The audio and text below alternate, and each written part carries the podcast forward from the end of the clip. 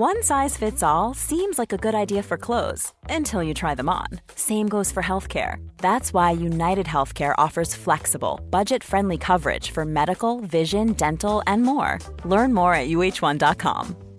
Quality sleep is essential. That's why the Sleep Number Smart Bed is designed for your ever evolving sleep needs. Need a bed that's firmer or softer on either side? Helps you sleep at a comfortable temperature? Sleep Number Smart Beds let you individualize your comfort so you sleep better together. JD Power ranks Sleep Number number 1 in customer satisfaction with mattresses purchased in-store. And now, save 50% on the Sleep Number limited edition Smart Bed for a limited time. For JD Power 2023 award information, visit jdpower.com/awards. Only at a Sleep Number store or sleepnumber.com.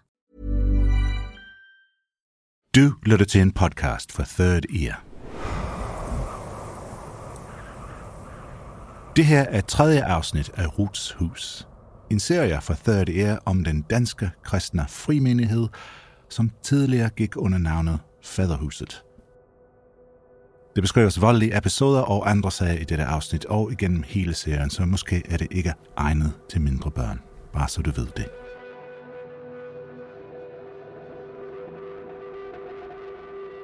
Der er en skældsættende, nærmest mytisk begivenhed i faderhusets historie, som jeg har hørt beskrevet rigtig mange gange, mens jeg har arbejdet på den her serie. Det er en af den slags begivenheder, hvor der er et meget klart før og et efter, at det er sket. Jeg har ikke mødt nogen, der var til stede, da det skete, så jeg har måttet stykke det her sammen af en hel del andenhåndsberetninger. Det foregår den 3. december 1999. Der er et voldsomt uvejr den dag. Og politiet opfordrer folk til at holde sig indendøre. Det værste uvejr i et århundrede faktisk. Det, der bliver kaldt decemberorkanen. Eller stormen i 99. Orkanen har kostet de første menneskeliv. En kvinde blev dræbt ved viske. Den væltede træer og master og rev tage af huse i hele landet. I København er situationen helt kaotisk. Mange steder er træer og stillaser væltet, og elledninger hænger ned over vejene. Den aften er der indkaldt til et menighedsmøde i Frikirken Faderhuset.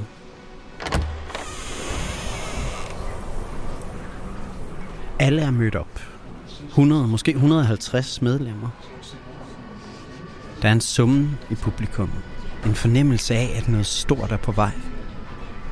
De venter på, at deres leder, deres præst, Knut, skal træde frem og fortælle dem, hvad der er på færre. Men det er ikke Knut, der indtager prædikestolen den her stormfulde aften. Det er hans kone, Ruth, der træder frem for menigheden. Sådan plejer det ikke at være. Det er Knut, der er leder i faderhuset, så det plejer at være ham, der leder bønnemøderne. Men Ruth har tydeligvis noget vigtigt at fortælle menigheden. Hendes øjne lyser opvagt af åndelig adrenalin. Hun træder frem med stor selvtillid. Og så fortæller hun, at hun har fået en besked direkte fra Gud. Gud har talt til hende. Og det han har sagt, det er, at hun, Ruth, skal overtage ledelsen af faderhuset. Gud har valgt hende til at være menighedens nye åndelige leder, deres nye præst. Der går et sus igennem publikum. De fleste kan godt lide Knut. Han har været en populær præst i faderhuset, men nu står hans kone og sætter ham af. Der har været for meget slaphed og for meget lunkenhed i menigheden i for lang tid.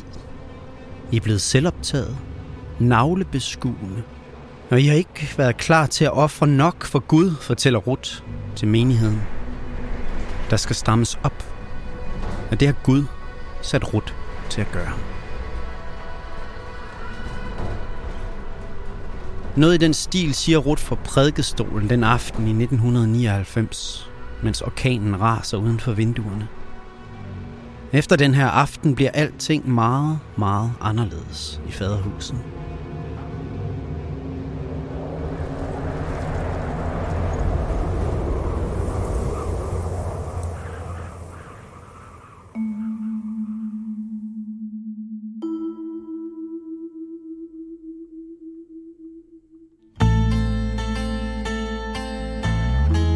Velkommen til tredje afsnit af Ruts Hus. Hvis du ikke allerede har hørt de første to afsnit, så anbefaler jeg dig at stoppe her og gå tilbage og høre dem først. Denne serie kommer gratis ud til alle vores lytter, og til alle dem, som abonnerer på 30 Years Podcast. Tusind tak til jer. Uden jer kan vi ikke lave, hvad vi laver her. Find ud af, hvordan du abonnerer på 30.dk. Hvis du er interesseret i at høre sandheden om faderhuset, så synes jeg, du skal lytte med her, fordi både Debbie og jeg, vi har begge to været med. Så vi vil faktisk gerne sige, hvordan vi har oplevet faderhuset, som nogen, der selv har været med og har været børn ja, i faderhuset. lige præcis. De to TikToker, Debbie og Daniel, er nu det eneste ansigt udadtil for den lukkede og tilbagetrukne gruppe, som engang hed Faderhuset. Men der er heldigvis andre, som gerne vil fortælle om deres egen oplevelse som medlemmer af Faderhuset, inden gruppen forsvandt fra Bandholm i Danmark i 2018. Og en af dem skal vi høre meget mere fra i dette afsnit. Jeg kommer der pænt med min liste. Din liste af dem, du har været seng med. Ja, det er simpelthen en liste med dem, jeg har haft sex med. Og så siger hun sådan, om jeg vil gerne have, at du sætter A og O ud fra dem, som du har haft anal eller oral sex med. Men først skal Christa Molsens undersøgelse af faderhuset tage os helt tilbage til starten. Helt tilbage til året 1990, hvor faderhuset opstod på Nørrebro i København. Værsgo.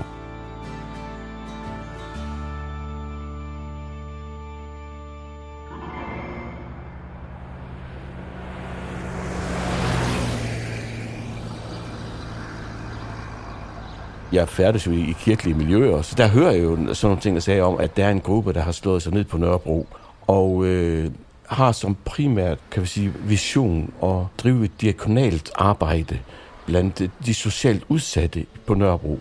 Det kan vi sige socialt hjælpearbejde med, med et kirkeligt afsæt. Nils Underbjerg var lige ved at være færdiguddannet præst i 1990, og han boede selv på Nørrebro. Nørrebro var et hårdt sted dengang. Det var før caféerne og restauranterne og specialbagerierne rigtigt gjorde sit indtog i bydelen. Før man kunne købe en croissant for 48 kroner på Nørrebrogade. Altså jeg tror, man skal, man skal forstå, at for 30 år siden, der så Nørrebro noget anderledes ud, end det gjorde i dag. Altså det, folk, der havde problemer, var meget mere synlige. Vi mødte øh, øh, narkomanerne og alkoholikerne, der tikkede. Børn, der blev tævet øh, derhjemme, og øh, folk, der gik til i druk. Hvad det, hvad det angår, så, så er Nørrebro pæn i dag. Nils er ikke en del af faderhuset, det har han aldrig været. Men han laver selv socialt arbejde på Nørrebro, dengang igennem nogle andre kirkelige organisationer. Og han byder egentlig bare faderhuset velkommen. Der er masser af brug for hjælp, tænker han. Jeg kan huske, at jeg tænkte der lige omkring 90, at, øh, at det faktisk var ret visionært. Altså, der, der var nogen, der, der havde det som et primært, øh, primær vision for deres kirkeligt arbejde at prøve på at tage sig af, ikke mindst nogle af de unge, der var socialt udsatte. Nils begynder at se folkene fra faderhuset mere og mere i gadebilledet. De synger salmer, og de beder for folk, fortæller dem om Jesus, men mest af alt laver de bare helt almindeligt socialt hjælpearbejde. Især til unge, sårbare mennesker, der virkelig har brug for det. Der var en gruppe på, jeg tænker på, at de var flest, var de vel omkring 200-250. Jamen, de gik ud og opsøgte folk, altså de var på gaden. Altså, de var på gaden og inviterede folk ind til caféer og måltider og, og altså, måltidsfællesskaber og prøve på at skaffe noget, noget tøj til dem, der, øh, der frøs. Og så nogle gange bare give nogen en samtalepartner. Det der med at bare få en sparringspartner øh, og snakke med, øh, det kan være fuldstændig uvurderligt for et ung menneske, der er ved at sejle rundt, ikke? Faderhuset er et godt sted at komme for unge mennesker, der måske mangler en far i deres liv. Sådan tænker Nils i hvert fald i starten af 1990'erne. Altså når de kan kalde det faderhuset, så er det også netop for at give det en i den dimension, at det, det, det er et sted, hvor folk skulle kunne komme og være trygge. Ikke også? Og der var nogen, der tager sig af det, altså faderbilledet med, med, med, med den omsorgsfulde far, ikke? Lederen af faderhuset og præsten for menigheden er en høj og bred nordmand med fuldskæg. Han hedder Knut Evensen. Knut Evensen, som jeg fik et øh, fantastisk godt indtryk af. Han havde begge benene på jorden, og der var ikke noget, øh, hvad skal vi sige, højstemt eller sværmersk over ham. Han var en sådan jordbunden nordmand, ikke? Altså et, et, et meget lyttende og omsorgsfuldt menneske, som tager sig af folk. Altså det er simpelthen det, jeg bare hører hele tiden. Altså han som på den måde bliver en personificering af, af, af fader. Den her, den her omsorgs øh, person og lyttende person, og, og der gerne vil folk det godt. Det er det, jeg hører om ham.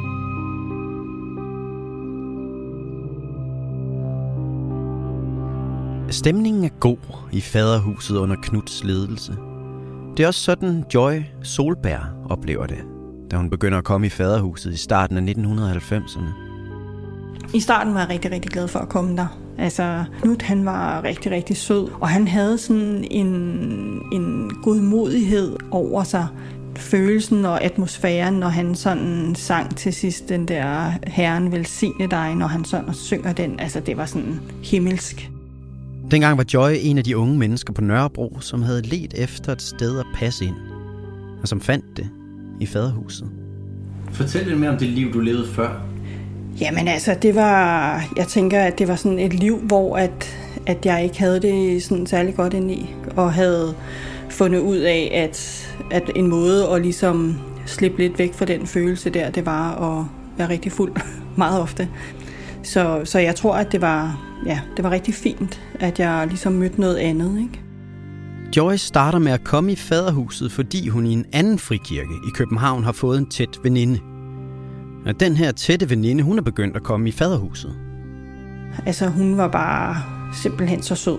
Øh, og godheden selv, og mildheden selv, og altså simpelthen så tålmodig, og var bare sådan et virkelig, virkelig varmt, rumligt menneske, der mødte mennesker, hvor de var. Hun var sådan den lyse, jeg var sådan den mørke, ikke? Altså helt bogstaveligt i håret også, ikke? Altså, og hun var den, som fyrene i kirken sådan, bare sådan gerne ville giftes med, og hun var sådan den der meget perfekte husmor og kvinde, altså sådan virkelig billede på sådan en gudsfrygtig kvinde, man bare virkelig gerne vil giftes med, ikke? Og så var der mig, der sådan bumlede rundt og lavede alt det, man ikke skulle, ikke? Det virker som om, at der er to slags unge mennesker i faderhuset dengang. Både de gudsfrygtige, perfekte, kristne unge, men også ret mange uperfekte unge med store problemer. Det virker nærmest som om, at faderhuset var på udkig efter den slags unge. Der er en øh, fra ungdomsgruppen, der er psykisk syg, der har været indlagt på, på noget lukket og sådan nogle ting. Og, og hun får så missioneret rigtig godt på de, i de kredse der, så pludselig er der sådan øh, fem der, der sådan kommer fra psykiatrisk afdeling. Og så er der tidligere narkomaner, og sådan, der kommer ind i kirken, ikke? Øh, og er blevet omvendte og lever for Gud. Og det, det er sådan en, en stor broet flok. Det er den broede flok af unge, som Knud er præst for i starten af 1990'erne. Og han behandler dem med kærlighed og respekt. Det hører jeg fra alle, jeg har talt med, der var der dengang. Knuds kone, Ruth Evensen, det er en lidt anden historie. Ruth er mere hård og kontant, sådan en man godt kan slå sig lidt på. Den her fornemmelse af altid, at hun sådan ikke helt kan lide mig. Altså, at det var sådan, hun var meget glad og smilende, men jeg kunne høre, det var sådan, ja, ja, nogle gange, altså den der sådan lidt, hvor at, at jeg tænkte, altså, ja, øh, hun kan sgu ikke helt lide mig, eller sådan, men, men hun smiler stadigvæk, ikke?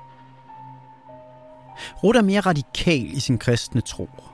Hun lever under mottoet, ingen lunkenhed i forholdet til Gud. Man kunne aldrig rigtig være overgiven nok. Du skal enten være kold eller varm. Hvis du er lunken, så vil Gud udspy dig af sin mund. Altså, så du, du, det er enten eller. Enten så er du der ikke, eller også så er du der fuldstændig. Du kan ikke bare være lunken. Altså.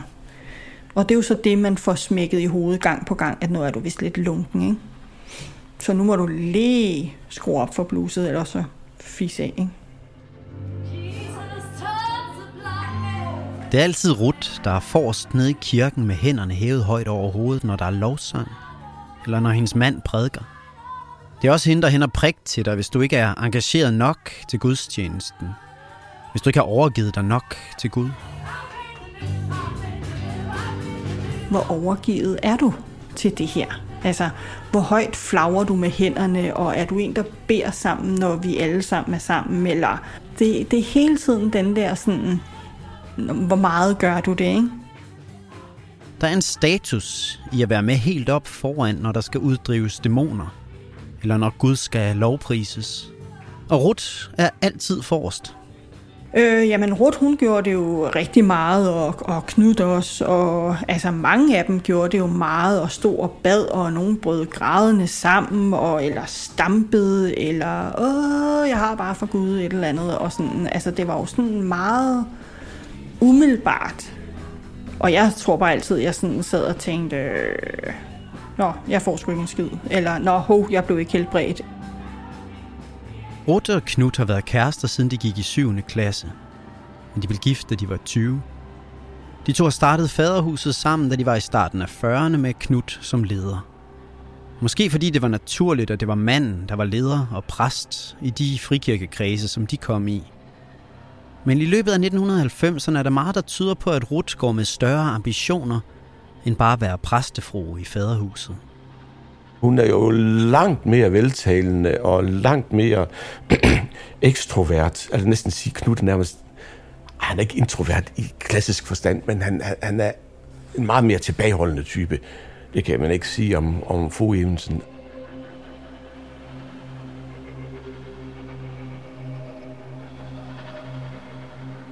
Mens Knud er leder af faderhuset, begynder Ruth at studere på Københavns Bibeltræningscenter. KBC hedder det for de indvidede. Dengang i starten af 1990'erne lå det i den gamle Carlton-biograf på Vesterbro i København. Og det virker til, at det har været et inspirerende sted for Ruth at komme. Camilla Johnson, som vi hørte fra i sidste afsnit, hun har også gået på KBC. Så er der så bibelskole hver dag, hvor man så har 5-6 timers undervisning i Guds ord. Og det er jo så alle mulige forskellige fag. Der er for eksempel et fag, der hedder øh, Blodets pagt, som handler om Jesu blod gennem Bibelen. Så er der et, der hedder... Øh, altså sådan en ting som øh, seksualitet mellem mand og kvinde. Der havde vi sådan nogle, nogle øh, møder, hvor at, at mænd og kvinder blev undervist i, hvordan seksualiteten skulle foregå. For eksempel det her med, at en kvinde skulle give sin mand sex minimum, enten var det hver tredje eller fjerde dag, fordi ellers var det ikke godt for hans sæd. KBC var dengang ledet af en prædikant, der hedder Jens Garnfeldt. Her er han i et gammelt tv-indslag for dengang. Hvis kristendommen ikke infiltrerer og påvirker og udøver indflydelse i enhver politisk beslutning, som tages, sammen. Hvorfor? Fordi at kristendommen, det evangelium Jesus Kristus har kraften i sig til at opretholde en nation. Kampen, som vi kristne er involveret i, er kampen mellem Guds rige og djævelens rige. Jens Garnfeldt prædiker en særlig form for radikal kristendom, som han har taget med hjem fra Amerika i starten af 1990'erne. Fremgangsteologi kalder han det. Ideen er helt simpelt, at hvis du tror nok på Gud, så får du fremgang i dit liv. Hvis du tror nok på Gud, så vil han belønne dig med et godt helbred, med succes og også med penge. Jesus var ikke en fattig lus. Øh, han øh, var ikke øh, en, som, som slæbte sig igennem livet i hullede sko. Han havde, hvad han behøvede. Og det betyder, at hvis Jesus havde prædiket i dag, så havde han haft René Lézard eller Hugo Boss jakkesæt på. Gud belønner de rettroende. Så de bedste kristne er også dem med flest penge i KBC. Camilla kan godt huske dem fra den gang hun var der. Præsterne kører rundt i kæmpe store biler og går i Hugo Boss jakkesæt, og øh, man tror meget på det her med, at øh, Gud han, han kan helbrede dig, øh, han kan gøre dig glad, han kan tage depression fra dig, men det kræver, at du helliggør dig. Så problemet er jo så, hvis man ikke er rask, hvis man ikke er rig, så er det ligesom også et bevis på, at man ikke lever med Gud, og man har synd i sit liv. Hvis det, hvis det er synd at være rig, så er Gud universets største synder. Hvorfor? Fordi Bibelen siger, at han går på gader af guld. Pengene til de rettroende prædikanter i toppen af KBC, de kommer selvfølgelig ikke direkte fra Gud. Det er ikke ham, der putter penge i kirkebøssen om søndagen. Nej, de penge de kommer helt lavpraktisk fra de menige og ikke lige så rettroende medlemmer af KBC. Så nogen som Camilla for eksempel. Det ligger så meget op af sådan en amerikansk, kan du sige, kristendom, som handler meget om det her med at give, altså også meget økonomisk til kirken, øh, og så vil Gud ligesom velsigne dig.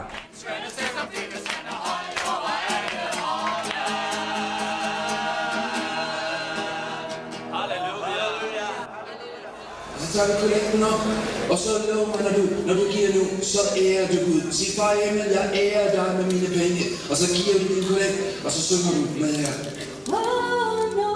Det er den logik, fremgangsteologien, som Ruth lærer på KBC. Det gør alle, der går der. Succes i livet og tro på Gud, de to ting er tæt forbundet. Og det er naturligt og rigtigt, at dem, der tror mest, det er også dem, der hører til i toppen af menigheden. Det er dem, der skal have flest penge. Hvis ikke du kan velsigne Guds rige med penge, øh, så kan man spørge sig selv, om du i det hele taget øh, er interesseret i, øh, at Gud skal have indflydelse på dit liv eller ej.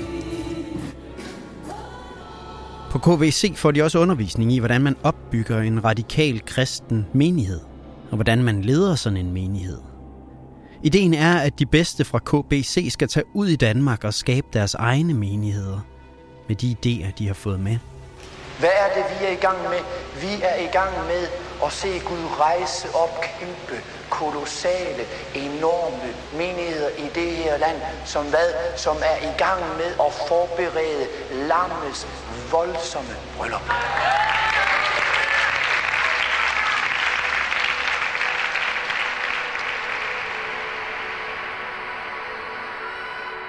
Jeg kan ikke lade være med at tænke på, at det måske er her, på KBC, mens Ruth hører Jens Garnfeldt prædike om den åndelige leders naturlige position øverst i hierarkiet og tættest på Gud, at en ny idé begynder at tage form i Ruths stille sind.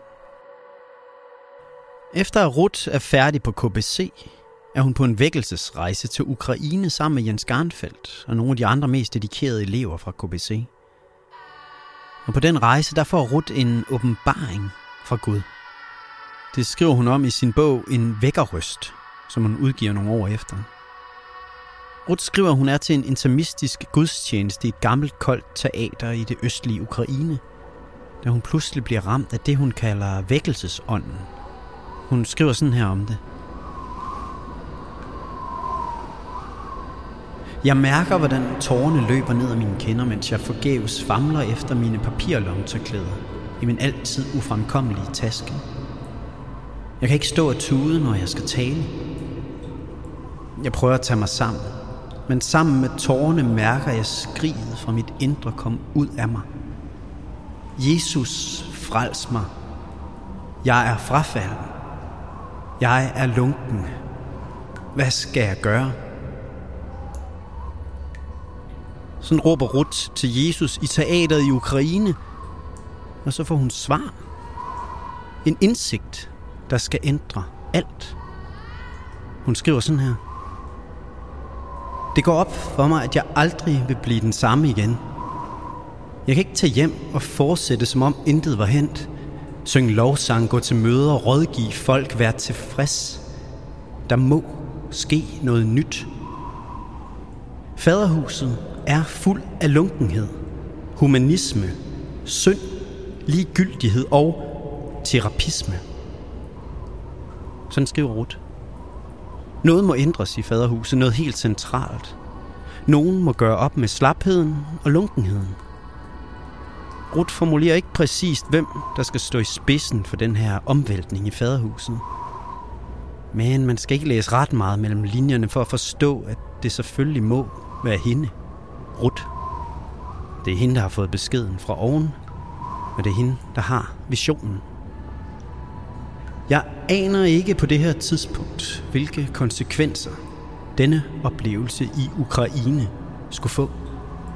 Sådan skriver Rut til sidst i kapitlet, og det er der nok heller ikke andre, der gjorde. Men det skal de snart finde ud af.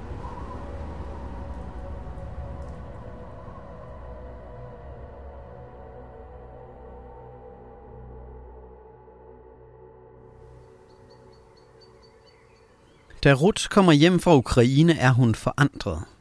Det er der flere i menigheden, der lægger mærke til. Hun virker optændt af en hellig ild. Ruth er blevet mere radikal kristen, og det mener hun også, at alle andre i faderhuset burde være. Der skal ryddes op i lunkenhed og slaphed. Det er ikke godt nok i faderhuset. Det mærker alle omkring Ruth. Også Joy, som er en del af menigheden her i slutningen af 1990'erne. Altså med mig skete der, skete der det, at, at jeg så på et tidspunkt ikke levede, som de synes, jeg skulle. Joy bliver sendt på et særligt kristent kursus i København for at få hende på den rette vej i livet. Jeg var med i sådan et program, der hed Living Waters, hvor at, at der skulle man omvende homoseksuelle til at være heteroseksuelle. Og jeg havde egentlig ikke en overbevisning om, at jeg var homoseksuel øh, på det tidspunkt, men det var også folk, der havde sådan lidt identitetsproblemer, der sådan kunne komme med på det her øh, seminar, ikke, som varede 10 måneder. En del af kurset handler om det, de kalder etkødsrelationer. Det betyder bare at have sex med nogen. Altså i Bibelen, så står der ligesom, at hvis man har været i seng med nogen, før man har været gift, eller i det øjeblik, man er i seng med nogen bare, så laver man en etkødsrelation. Og der der får man ligesom, altså man har adgang til hinandens liv, eller sådan hinandens øh, sønder og skitter møg. Sådan syv generationer tilbage har man i sig. Så det vil sige, at, at hvis jeg er i seng med dig, så al den bagage, du ligesom har åndeligt, den har også adgang til mig lige pludselig. Så det er, altså det er jo sindssygt meget åndeligt lort, man kan få på sig ifølge den lærer, ikke? Kurset tilbyder heldigvis også en måde at rydde op i de her syv generationers åndeligt lort.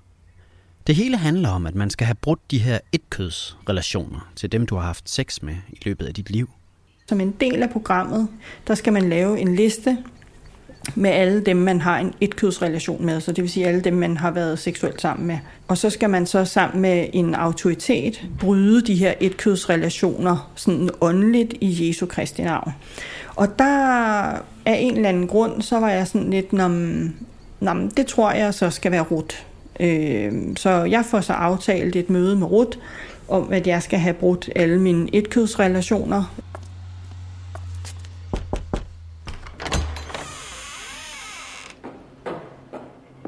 Og vi mødes så inde i Griftenfeldsgade, inde i kirken der, på første række foran korset. Jeg kommer der pænt med min liste. Din liste af dem, du har været i seng med? Ja, det er simpelthen en liste med dem, jeg har haft sex med. Men Ruth er ikke tilfreds med Joyce liste. Den er ikke udførlig nok, siger hun. Og så siger hun sådan, at jeg vil gerne have, at du sætter A og O ud fra dem, som du har haft anal eller oral sex med. Joy reagerer, som jeg tror mange af os vil reagere i den situation. Og så er jeg sådan, øh, hvorfor det? Og så er hun bare sådan, fordi at sådan analsex og oralsex, det er sådan en direkte åbning til satan. Joy er ikke rigtig tilfreds med Ruts forklaring. Hun bliver ved med at stille spørgsmål den dag foran korset i kirken. Jeg var sådan, men, men hvorfor? Altså, er det ikke bare sådan, der står i Bibelen, at man ikke må gå i seng med nogen, før man er gift? Og er det ikke så bare sådan, at når man så er gift, at så sammen med sin partner finder man lidt ligesom ud af, hvad kan vi godt lide, og hvad vil vi gerne? Øhm, ej, det var det altså ikke. Øh, det var slet ikke sådan. Altså, Gud havde givet os en missionærstilling, og øh, den missionærstilling havde Gud altså velsignet for hende og Knut i mange, mange år, så de havde et velsignet sexliv. Joy har ikke lyst til at dele de her ret personlige ting med Ruth. Hun kan ikke forstå, at det skulle være nødvendigt. Og det sagde jeg jo til Ruth, at jeg, altså, jeg synes bare, det var sådan lidt mærkeligt, at altså, hvor stod jeg også det nu henne, ikke? Og altså, og så til sidst, så blev hun simpelthen så træt af mig og så skidesur, og var bare sådan, jeg kunne tage og gå hjem og læse om Abraham, om hvordan han offrede sine sønner, øh, var villig til det, og hvordan han øh, i øvrigt også underkastede sig sine ledere og adlød blindt, og, og bare gjorde, hvad der blev sagt. Det kunne jeg være sød at gå hjem og gøre. Og når jeg så havde lært det, så kunne jeg komme tilbage med min liste, og så kunne vi færdiggøre projektet, ikke? Men Joy kommer aldrig tilbage til Ruth med sin liste. Det, det gjorde sådan efter der, at jeg var sådan lidt, øh, altså hvad er det, der foregår? Altså, at jeg, jeg begyndte sådan at tvivle, ikke? Og Ruth begynder at straffe Joy for hendes ulydighed. Men, men der begynder Ruth ligesom, og, og det ved jeg jo så fra mine venner af, at hun begynder ligesom at sige til, til dem omkring mig, at de skal ikke være sammen med mig, fordi at, at jeg leder dem i fordærv, og, og jeg er dårlig selskab. Og, og så fik jeg så at vide, at jeg måtte ikke komme i kirken, heller ikke til gudstjenesterne og sådan i en periode. Jeg skulle sådan holde mig væk, ikke? og det var sådan for ikke at smitte alle de andre sådan på den måde. Ikke? Altså, du må tage en pause, og jeg får i øvrigt også at vide, at Altså, at det er blevet meldt ud i hele kirken om søndagen til gudstjenesten, at, at det er det, man har sagt til mig. Ikke?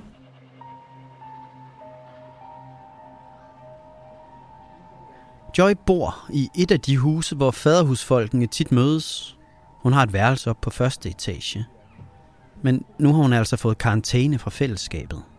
Så er det jo også sådan, at der er de her ungdomsmøder om fredagen, hvor alle mine venner så er nede i stuen kommer klokken 7 og hygger sig og har møde og drikker kaffe og te og spiser småkager og griner og har det sjovt, og jeg må ikke komme ned.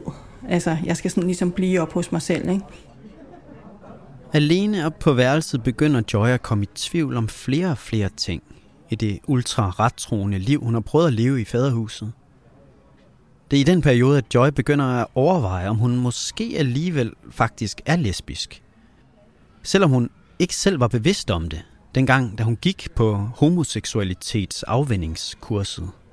Nej, og det er jo, altså det er jo sådan, det er lidt sjovt, hvordan vi mennesker fungerer, ikke? Altså, fordi når jeg sådan spørger tilbage hos altså, familie og venner og sådan noget, så har de været sådan, om du skulle altid være homo. Altså, men det, det havde jeg bare ikke oplevelsen af dengang. Altså, jeg, jeg, havde, jeg gik ikke rundt og drømte om at kysse med nogen, eller sådan på den måde. Det var, det var ikke sådan, det var inde i mig.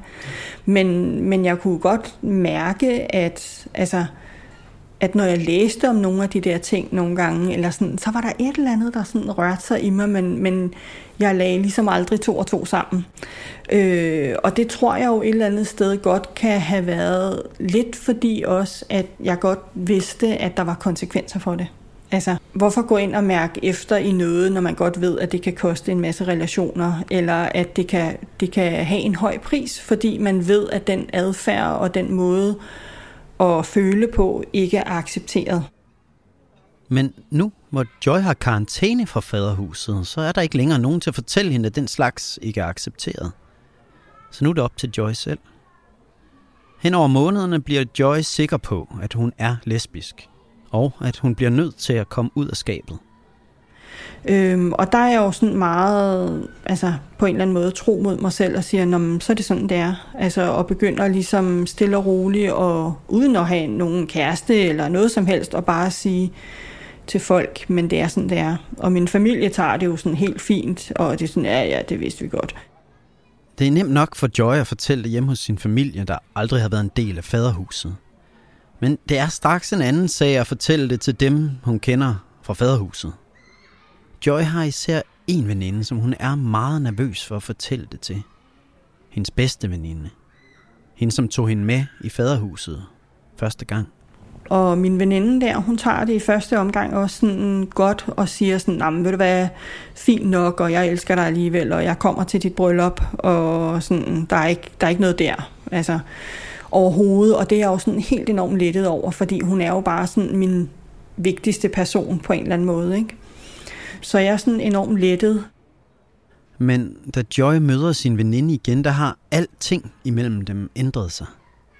Hendes veninde har talt med Ruth i mellemtiden. Så har Ruth haft fat i hende, og så øh, er hun pludselig sådan, men hun kan ikke have noget med mig at gøre. Fordi at øh, jeg lever i synd, jeg, og jeg vil ikke engang flytte mig fra synden. Jeg har bare tænkt mig at overgive mig til den synd. Og hun kan ikke have med noget at gøre, som Gud ikke kan have med at gøre, og Gud kan ikke have med synd at gøre.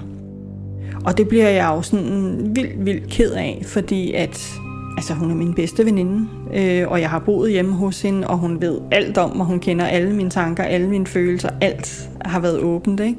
Og så står hun lige pludselig der og siger, at jeg kan bare ikke have noget med dig at gøre, ikke? Altså, fordi det kan Gud ikke. Det er en ubehagelig overraskelse for Joy, at hendes veninde er klar til at droppe hende på den måde, fordi Ruth har sagt, at hun skal. Og hun har flere ubehagelige overraskelser i vente. og hun ender med at sådan give mig en ordentlig mavepuster i maven, øh, fordi at hun så vil slå den her homoseksuelle ånd ud af mig, øh, som må så har besat mig. Altså, tror Hun jeg slår så. maven? Hun tror, hun giver mig sådan en i maven, og, og siger, altså så slår hun den der homoseksuelle ånd ud af mig, hvor jeg bare sådan, ej, men altså, fordi hun var bare så sød og stille og rolig altid, og var bare slet ikke sådan den type, vel? Altså, øhm, så det kom sådan fuldstændig bag på mig, ikke? Efter at Joy har fortalt, at hun er homoseksuel, og at hun ikke havde tænkt sig at forsøge at ændre på det, så er det endeligt slut for hende i faderhuset. Det er der ingen tvivl om. Og så var det sådan, når jeg mødte folk, at sådan, så kunne de bare finde på at sige til mig sådan, du er på vej ned i helvede, ned og brænde op. Altså, fordi du lever sådan der, øh, det homoseksuelle, ikke? Og jeg kan huske, at øh, min venindes mor siger til mig sådan på et tidspunkt, øh, jeg stolede på dig, det skulle jeg aldrig have gjort. Øh, jeg lod dig få min datter, altså komme så tæt på hende, ikke? Og hun siger så i slutningen sådan, jeg vil håbe, at du ryger så langt ud i dit liv og så langt ned, at du kun har Gud at kalde på. Og jeg siger så, det er en forbandelse, og det vil jeg ikke tage ind over mig. Ej, men det er sådan, det er. Så siger jeg, nej, men det er ikke sådan, det er, for det, det, altså, jeg går sådan stadig imod hende, så hun bliver mere og mere sur, og sådan, hvor jeg bare siger, men, men det er sådan, det er, jeg tager det ikke ind over mig.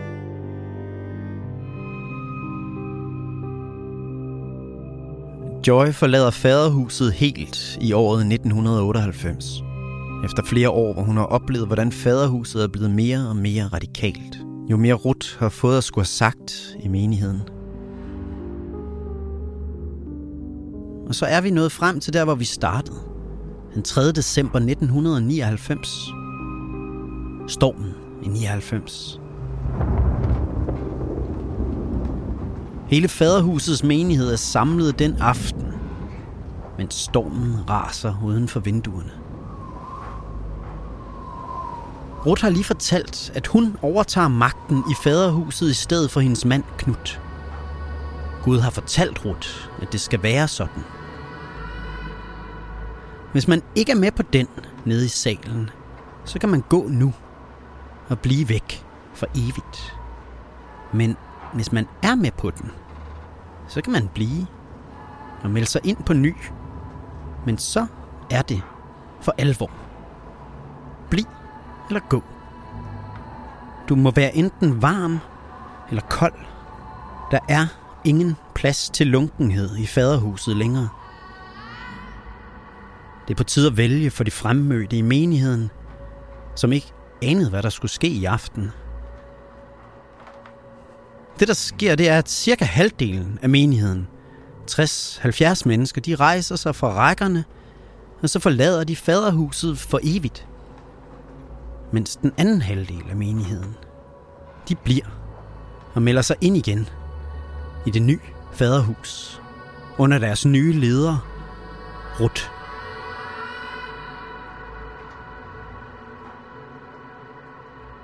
Mange af dem, der går og forlader faderhuset den aften, det er de ældre og lidt mere moderate kræfter i faderhuset.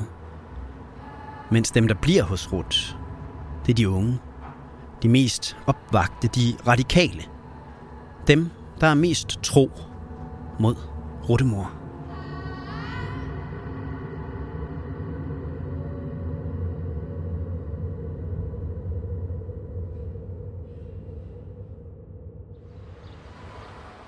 Niels Underbjerg, som vi hørte fra i starten af det her afsnit, han hører rygterne i kristne kredse om, at der er sket nogle ændringer i faderhuset. Der, der er noget uro. Det er sådan det, jeg hører. Det handler jo om, at, at Ruth har overtaget ledelsen. At Ruth har fået en profeti om, at hun skal være leder. Og at øh, det har medført en helt anden ledelsesstil. Nils er i mellemtiden blevet færdiguddannet præst i Folkekirken, og han bor stadig på Nørrebro. Han har haft et øje på faderhuset, siden de begyndte under Knut i 1990, og han kender en del af de folk, der nu ikke længere er en del af faderhuset. Der skete det, det som man i det miljø kalder for en beskæring af træet. Altså af det træ, som faderhuset var, så skærer man de usunde grene af. Og det bruger man sådan billedligt talt også internt øh, kristligt set til at sige, at nu skal vi da tilbage i det, det sunde, vi skal arbejde videre. Niels hører også lidt om, hvordan Knut, den tidligere leder, har det med den nye situation. Det, det jeg hører refereret til, det var, at, at, at, at Knut nok var ret skuffet. Øh, øh, ikke også, men, men, men øh, som siger, det er en forfærdelig situation at være i. Der er en, en stor gruppe af medlemmer, der, der, der, vælger, der vælger Rut, og så øh, kan man godt være nok så skuffet, men øh, på en måde, jeg tror bare, han er, han er hoppet med på den, og så siger, det, det er sådan, det er, og det kan jeg ikke gøre noget ved. Øh, men han var stadigvæk en del af ledelsesgruppen. Niels selv er blevet præst i en kirke i København. Men han har også en særlig interesse for at hjælpe folk, der har været i det, han kalder usunde religiøse miljøer. Og i tiden efter, at faderhuset bliver halveret, får Niels en ganske særlig rolle. For mange af dem, der har forladt faderhuset, de begynder at opsøge Niels i hans kirke. De mennesker, der, der, der forladt, de var jo knust. Øh, fordi det, de synes, det projekt, de egentlig havde gang i, var godt. Øh, så de var jo øh, øh både menneskeligt og religiøst kvæstet. Øh, og det var så mange af dem, jeg så kom til at snakke med. Nilses kirke bliver en form for samlingspunkt for dem, der ikke længere er plads til i faderhuset. Og de gør et stort indtryk på ham. Det har været en af de mest markante og bedrøvelige øh, øh, oplevelser, jeg nogensinde har haft at møde dem der. Øh, og se, hvor såret folk var. Og, og de simpelthen ikke forstod, hvad der var sket. Dem, der er tilbage i faderhuset, dem taler Nils ikke med. Men han hører en hel del om dem igennem deres familiemedlemmer og deres tidligere venner. Men det betyder så også, at dem, der så er tilbage, det er dem, der bakker 100% op om, om Ruth. Og så strammer hun skoen, ikke? Så er der endnu færre til at gøre det samme arbejde, og så skal det bruges endnu mere dedikation, endnu mere ressourcer, endnu mere tid, endnu mere midler. De kommer fra færre mennesker. Så der opstår sådan en eller anden, kan man sige, stresssituation. Altså, du skal ville det her, ikke? Altså, du skal... Gud forventer af dig, at du offrer dig selv helt og fuldt for, for hans projekt her. Og, og, og hvem der definerer, hvad hans projekt er, det er Ruth.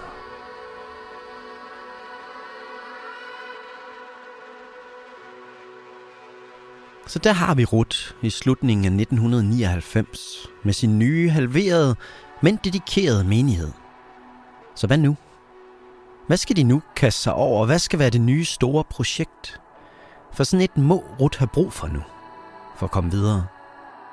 Et projekt, der kan styrke sammenholdet internt i menigheden. Noget, der kan holde hendes dedikerede medlemmer til ilden og hjælpe med at værve nye medlemmer. Måske er det, de har brug for en stor kamp. En ydre fjende, som Rut kan samle tropperne om at kæmpe imod. Og måske kunne sådan en kamp også gøre Rut og faderhuset berømte i hele landet. Men hvis man vil have en kamp, så skal man finde nogen, der vil slås. Og det skal vise sig, at Rut ikke skal køre ret langt fra sin kirke i Greffenfeldsgade for at finde sin fjende. Ungdomshuset på jagtvej nummer 69 er lige blevet sat til salg af Københavns Kommune. Og en dag, da Rut kører forbi, der får hun en idé. Jamen, jeg kørte forbi ungdomshuset en dag og så det her flotte røde salgsskilt, de havde sat op, hvor der står øh, til salg sammen med 500 voldspsykopater, stenkasten autonome, der kommer fra helvede. Det udfordrede mig helt sikkert til at gøre noget ved det.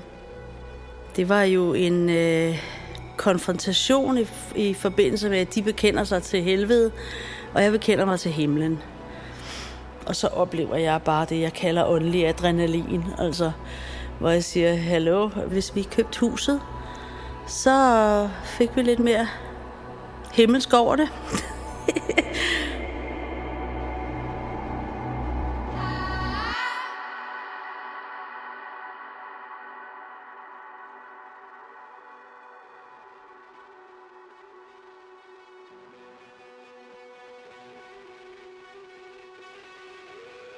Vi har forsøgt at kontakte Ruth og andre i det tidligere faderhus, og de to TikToker, Debbie og Daniel, for at få en kommentar.